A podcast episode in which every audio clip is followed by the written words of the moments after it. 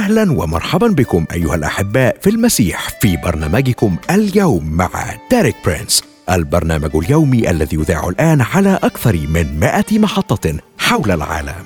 في فبراير من عام 1979 كان ديريك برينس يتأمل كلمات سفر أعمال الرسل الأصحاح الأول والآية الثامنة. لكنكم ستنالون قوة متى حل الروح القدس عليكم وتكونون لي شهودا في أورشليم وفي كل اليهودية والسامرة وإلى أقصى الأرض.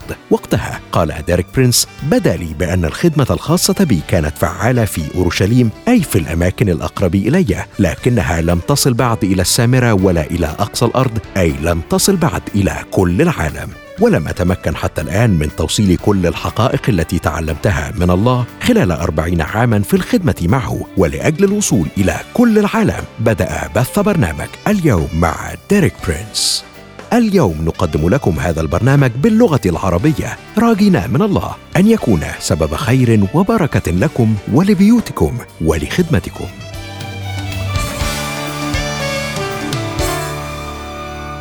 أهلا بيك صديقي المستمع في حلقة جديدة من سلسلة حلقات مواجهة المستقبل. معاك مريم وأشرف. إزيك يا مريم؟ أهلا يا أشرف وأهلا بصديقنا المستمع. هنكمل النهاردة موضوع قصد الله من وحدة الكنيسة. بس الأول يا أشرف إيه رأيك تفكرنا وتفكر أصحابنا اللي بيسمعونا بحلقة المرة اللي فاتت؟ طبعا يا مريم. حلقتنا اللي فاتت اتكلمنا عن قصد الله لكنيسته ولشعبه وللمؤمنين وصلاته ليهم كانت علشان وحدتهم ودي كانت صلاة يسوع. ممكن تقريها يا مريم؟ في إنجيل يوحنا إصحاح 17 يا أشرف والأعداد من 20 ل 23 كانت بتقول ولست أسأل من أجل هؤلاء فقط. يعني التلاميذ اللي كانوا معاه. وبيكمل يقول كده بل أيضا من أجل الذين يؤمنون بي بكلامهم. يعني كل المؤمنين. وكمان بيكمل ليكون الجميع واحدا كما أنك أنت أيها الآب فيا وأنا فيك. ليكونوا هم أيضا واحدا فينا. ليؤمن العالم أنك أرسلتني. وأنا قد أعطيتهم المجد الذي أعطيتني. ليكونوا واحدا كما أننا نحن واحد. أنا فيهم وأنت فيا. ليكونوا مكملين إلى واحد. وليعلم العالم أنك أرسلتني وأحببتهم كما أحببتني. اتعلمنا يا صديقي المستمع في الحلقة اللي فاتت إن النوع ده من الوحدة لازم تكون وحدة واضحة وعلنية وهتكون هي الشهادة الوحيدة اللي هتوصل للعالم كله خبر إن الله أرسل يسوع علشان يكون مخلص العالم. فعلا يا أشرف إحنا لينا دور واضح ومؤثر في وحدة الكنيسة كمؤمنين وده اللي هنتعلمه في حلقة النهاردة. لما نعرف أكتر عن البرنامج اللي عمله يسوع علشان يسترد من تاني وحدة الكنيسة ممكن يا أشرف تقرأ لنا الجزء الكتابي اللي موجود في رسالة أفسس إصحاح 4 والأعداد من 11 ل 16 طبعا. هنشوف في الآيات دي يسوع بيكلمنا عن الخدمات الأساسية للكنيسة والسبب من وجودها إيه. وهو أعطى البعض أن يكونوا رسلا والبعض أنبياء والبعض مبشرين والبعض رعاة ومعلمين. في خمس خدمات رئيسية الرسل الأنبياء المبشرين الرعاة والمعلمين.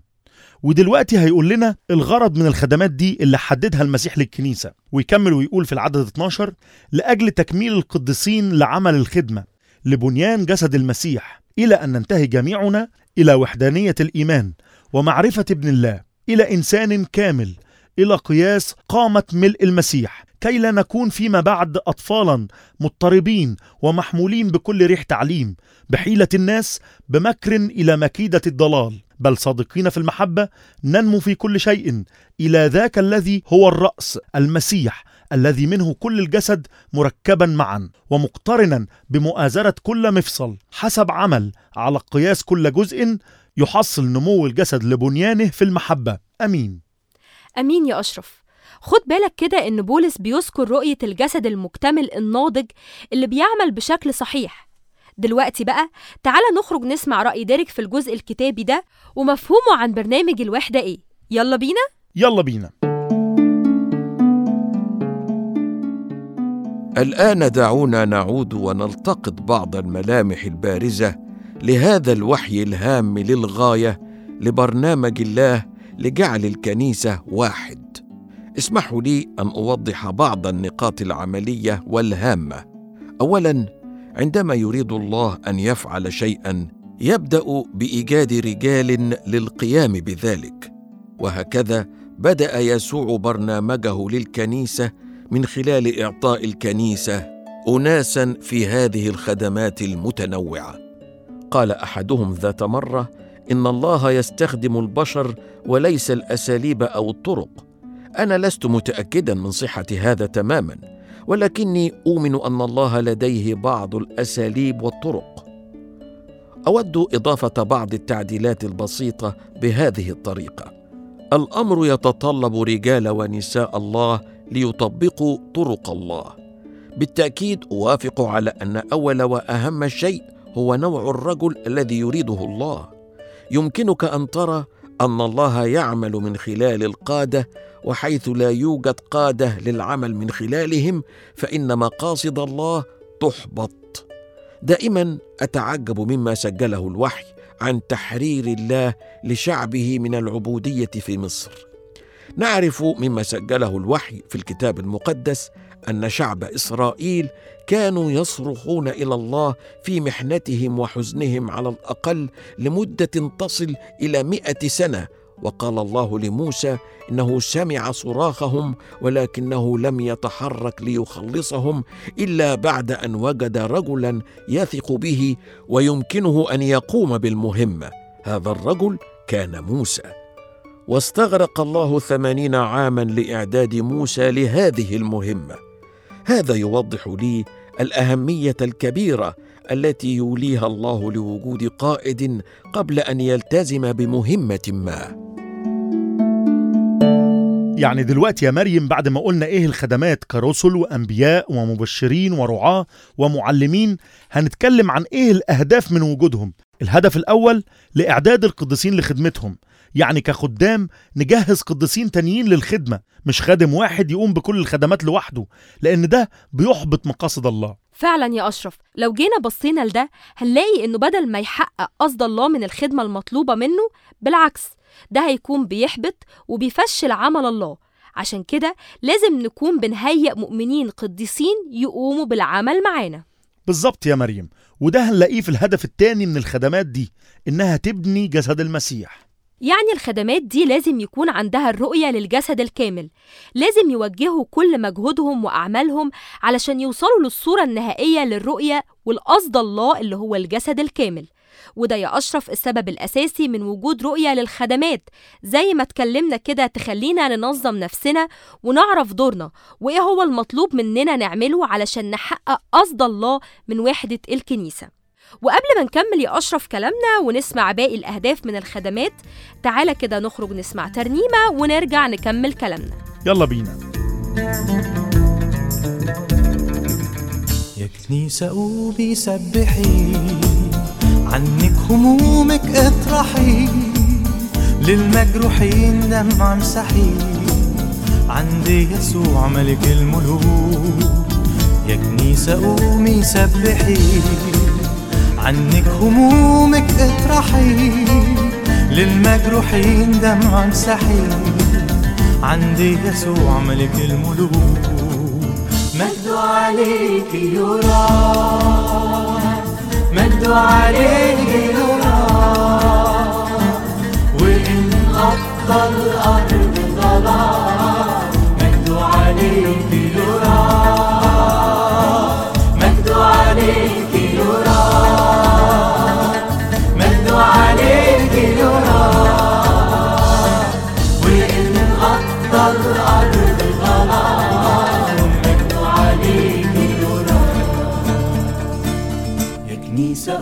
دوري على الخراف ونوري المجد جاي تحضري لمجيء يسوع ملك الملوك يا كنيسة قومي ودوري على الخراف ونوري المجد جاي تحضري لمجيء يسوع ملك الملوك.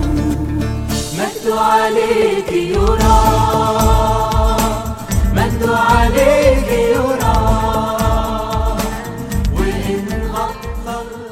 ورجعنا لك مرة تانية صديقي المستمع وهنكمل مع بعض الهدف الثالث من الخدمات اللي ربنا حطها لبناء وحدة الكنيسة. ونقدر نعتبره أهم الأهداف لأنه بيتكلم عن إنه إزاي أقدر أوصل كخادم إلى وحدة الإيمان مع باقي الخدام. حتى يا أشرف كده نلاقي الرسول بولس بيصيغ وحدة الإيمان في الآية دي وبيقول إلى أن ننتهي جميعنا إلى وحدانية الإيمان. بيتكلم هنا عن وحدة الإيمان كهدف لازم نوصله وده بيعتمد على إننا نعمل الخدمات دي بطريقة صحيحة في الكنيسة. وهنلاقيه كمان يا مريم بيعرفنا إزاي نوصل ونحقق الهدف اللي هو وحدة الإيمان فبيقول معرفة ابن الله معناه في اللغة اليونانية الاعتراف.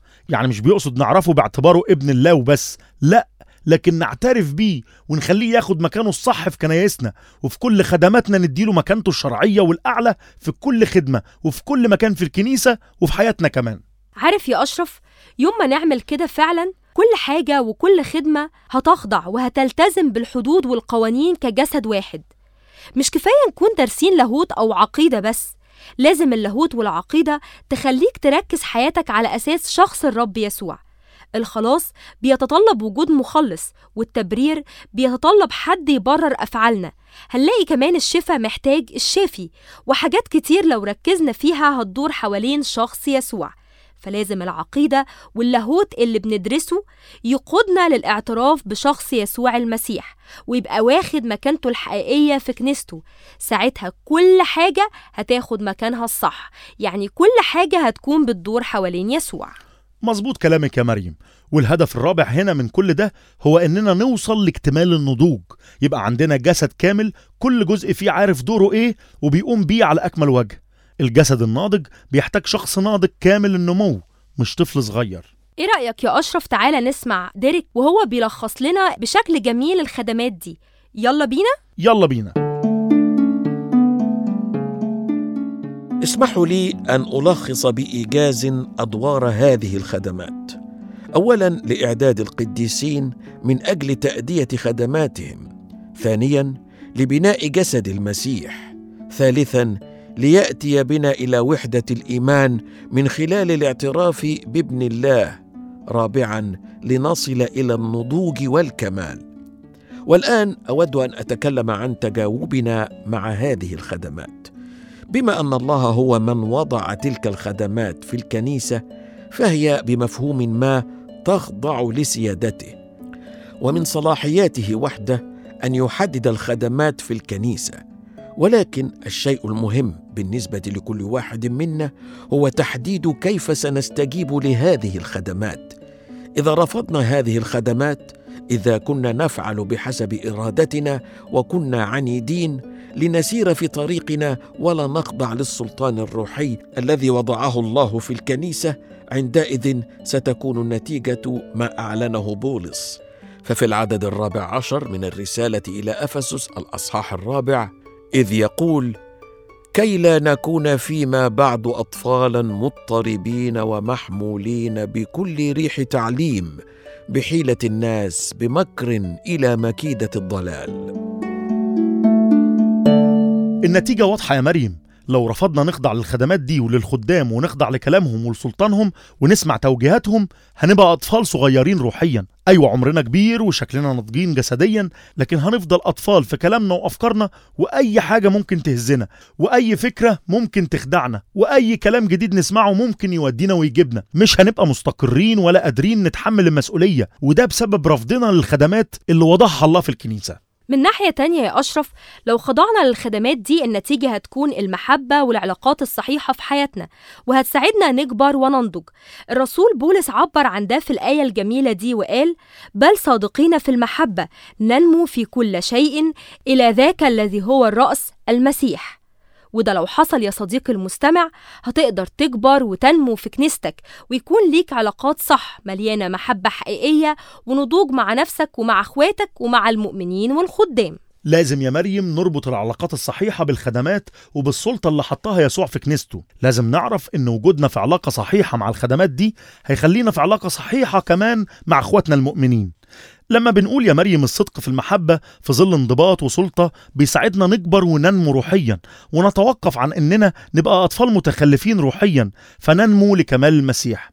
يعني دايما يسوع هو الهدف اللي بنبقى عايزين نوصل له في النهاية لأننا أعضاء في جسد يسوع وعلاقته ودور الأعضاء دي ببعض وكل عضو فيها بيقوم بدوره بيخلينا ننمو ونكبر كجسد. بالظبط كلامك يا أشرف. وفي نهاية حلقتنا النهاردة صديقي المستمع عايزة أقولك إن الله عنده رؤية وخطة وبرنامج لازم يكون علينا دور فيه وإحنا بنعمله وهو إننا نخضع نفسنا لقصد يسوع ولسلطان خدمته اللي حددها في كنيسته.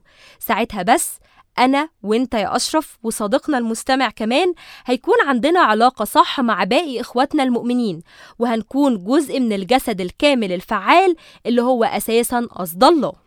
أشوفك صديقي المستمع في حلقة جديدة من حلقات برنامج اليوم مع ديريك برينس. كان معاك أشرف ومريم. مع السلامة.